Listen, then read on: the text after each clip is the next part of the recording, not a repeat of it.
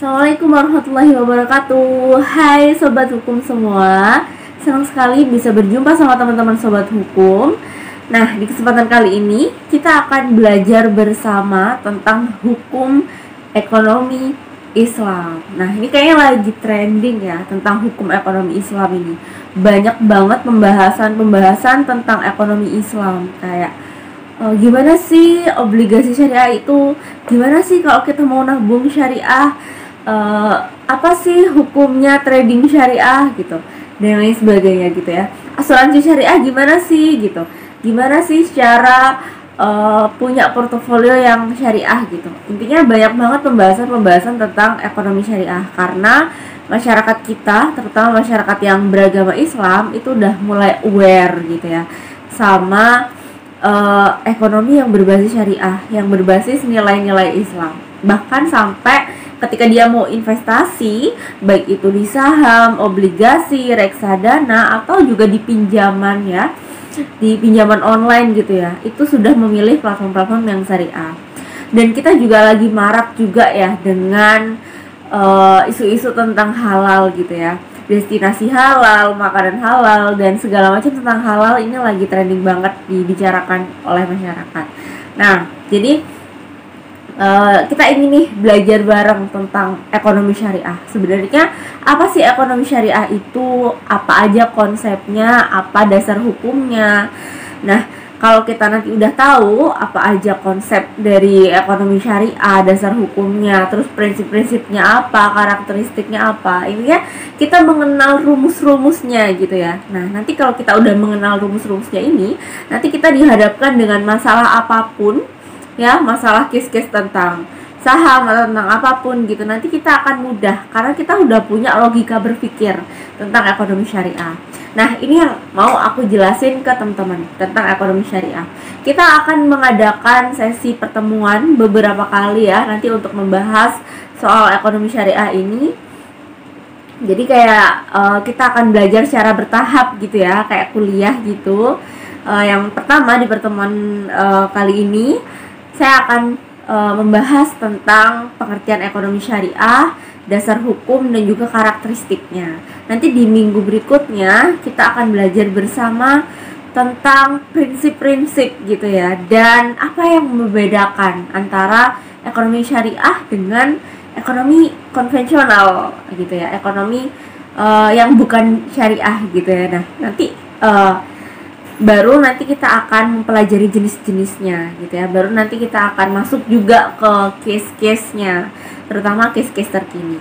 Oke langsung saja di pembahasan pertama yaitu tentang ekonomi syariah. Sebenarnya apa sih ekonomi syariah itu? Nah jadi ekonomi syariah itu ya kalau menurut Yusuf Kordowi itu adalah ekonomi yang berdasarkan pendekatan ketuhanan gitu. Jadi aktivitas berekonomi yang guidance atau aturannya itu mengikut pada guidance-nya Tuhan, yaitu dalam hal ini adalah Allah, gitu ya. Jadi segala aktivitas ekonomi yang mana berdasarkan atau berperspektif atau kacamatanya itu dilihat dari nilai-nilai Islam, gitu. Jadi segala aturan ya, segala hukum itu sudah ditetapkan dalam Al-Qur'an, As-Sunnah, Ijma dan Qiyas. Jadi guidance-nya ada di sana. Jadi ketika kita berbicara tentang ekonomi syariah, maka yang harus kita pelajari adalah isi dari Al-Qur'an, As-Sunnah, Ijma, Qiyas yang memang mengatur tentang uh, perekonomian gitu. Karena agama Islam itu adalah agama yang kafah gitu ya. Jadi segala macam transaksi segala macam komunik pola komunikasi segala macam hubungan baik itu hubungan sama Allah maupun hubungan dengan sesama manusia itu sudah diatur dalam Al-Qur'an. Makanya ada sifat e, agama Islam itu bersifat syumuliyah atau mencakup. Jadi memang semua uh, kehidupan manusia, tatanan kehidupan manusia itu memang sudah diatur dalam uh, Al-Qur'an gitu ya, termasuk juga kehidupan berekonomi gitu. Jadi kita akan mempelajari kalau kita membahas tentang Islam itu ada yang namanya akidah, ada yang namanya muamalah. Jadi kalau akidah itu adalah hubungan kita dengan Allah gitu ya. Tata cara sholat, tata cara puasa gitu ya, tata cara haji gitu ya, tata cara tata cara yang itu uh, ada hubungannya antara kita dengan Allah, maka itu diatur uh, pada konsep yang namanya akidah. Nah, kemudian ada juga konsep yang namanya muamalah, yaitu aturan tentang hubungan kita dengan sesama manusia, yaitu hubungan secara horizontal. Nah, itu tadi kita bertransaksi, kita berjual beli ya dan kemudian kita e, melakukan hubungan sosial kemasyarakatan nah itu adalah hubungan muamalah termasuk dalam hal ini hubungan ekonomi. Kalau kita berbicara tentang ekonomi maka ini adalah hubungan kita bertransaksi dengan orang lain gitu ya. Nah ini juga diatur dalam Al-Quran. Makanya nanti kita akan mengenal tentang e, ekonomi syariah. Kita akan belajar bersama tentang ekonomi syariah. Oke. Okay. e, tadi kita udah kita sudah tahu nih. Oh berarti uh, ekonomi syariah itu adalah konsep yang mana aktivitas yang harus dilakukan berperekonomiannya itu didasarkan oleh agama Islam. Lalu kemudian uh, apa dasar hukumnya gitu ya? Dasar hukumnya ada dalam Al-Qur'an ya. Ini ada uh, sebuah ayat yang menyatakan Innallaha ya'murukum bil adli wal ihsan wa ita'i dzil qurba wa yanha 'anil fahsya'i wal munkari wal baghi. Jadi sesungguhnya Allah itu memang memerintahkanmu untuk dapat berlaku adil. Ya, jadi ketika kita bertransaksi, kita e, berhubungan dengan manusia, kita harus berlaku adil, gitu ya. Wal ihsan dan juga berbuat baik. Wa ita idil kurba dan kita juga harus e, menyisihkan harta kita ya untuk berkurban gitu ya karena berkurban itu selain punya nilai ketuhanan juga punya nilai sosial gitu ya di mana itu kemudian nanti bisa e, berguna ya bisa membantu orang lain fakir miskin gitu ya wa ita idil kurba makanya kita harus menunaikan e, kurban wa yanha anil fahsya'i wal munkar wal bag dan kita juga harus e, melarang kepada keburukan fahsya dan juga kemungkaran gitu ya kekejian dan kemungkaran. Nah, ini yang harus kita hindari gitu. Jadi prinsip yang harus ditanamkan oleh seorang manusia yang hidup, dia berarti harus berlaku adil, dia harus berlaku baik, dia harus punya uh, apa rasa kedermawanan untuk membantu sesama gitu ya. Jadi hidupnya itu adalah hidup untuk sosial gitu ya, bukan egoisme semata untuk menghidupi dirinya sendiri gitu ya. Dan dia juga harus uh, tidak berlaku keji dan mungkar dan dia juga harus melarang perbuatan keji dan mungkar itu ada dalam uh, kehidupan berkemanusiaan gitu ya jadi dia juga harus menjadi pionir gitu ya untuk uh, dapat menjadi seseorang yang terus menerus menyebarkan kebaikan dan melarang pada keburukan nah ini kemudian uh, menjadi sebuah prinsip ya yang memang uh, melandasi adanya uh, kehidupan manusia di bumi ini harus seperti apa. Nah, kemudian sekarang ketika kita tadi udah tahu ya, uh, oh berarti ketika kita berekonomi, bertransaksi, berhubungan dengan manusia yang itu guidance-nya adalah uh, Al-Qur'an as-sunnah, ijma dan kias intinya nilai-nilai Islam maka itu disebut dengan ekonomi syariah. Dan kemudian juga kita harus memenuhi apa yang disebutkan dalam Al-Qur'an bahwa kita harus berlaku adil, baik dan lain sebagainya gitu ya. Nah, kemudian sekarang kita akan masuk ke kriteria sendiri. Sebenarnya apa sih uh, kriteria dari ekonomi syariah itu gitu ya. Jadi uh, kalau gitu gimana dong karakteristik ketika kita melakukan transaksi, ketika kita berekonomi secara syariah gitu ya. Baik itu melakukan yang namanya produksi atau juga distribusi atau juga konsumsi gitu ya. Jadi kalau kita ngobrol tentang ekonomi gitu ya, maka akan tidak jauh dari perilaku distribusi, perilaku konsumsi dan juga perilaku produksi. Nah, tiga hal ini uh, memiliki karakteristik yang tentunya dilandasi oleh spirit tadi yang sudah saya sebutkan dan tentunya tiga hal ini kemudian ketika kita breakdown ini ada karakteristiknya ya apa saja karakteristiknya yang pertama Yang pertama adalah memiliki spirit ketuhanan. Ya, seperti yang saya sebutkan bahwa berekonomi ketika kita berbicara berekonomi secara Islam, maka spirit kita bukan lagi mencari keuntungan. Spirit kita bukan lagi memperkaya diri sendiri, tapi ada spirit ketuhanan di situ.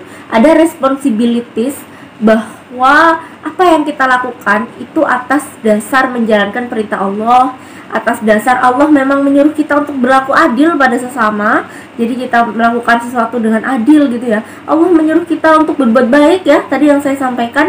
Maka ekonomi kita didasarkan oleh kita ha harus berbuat baik gitu ya.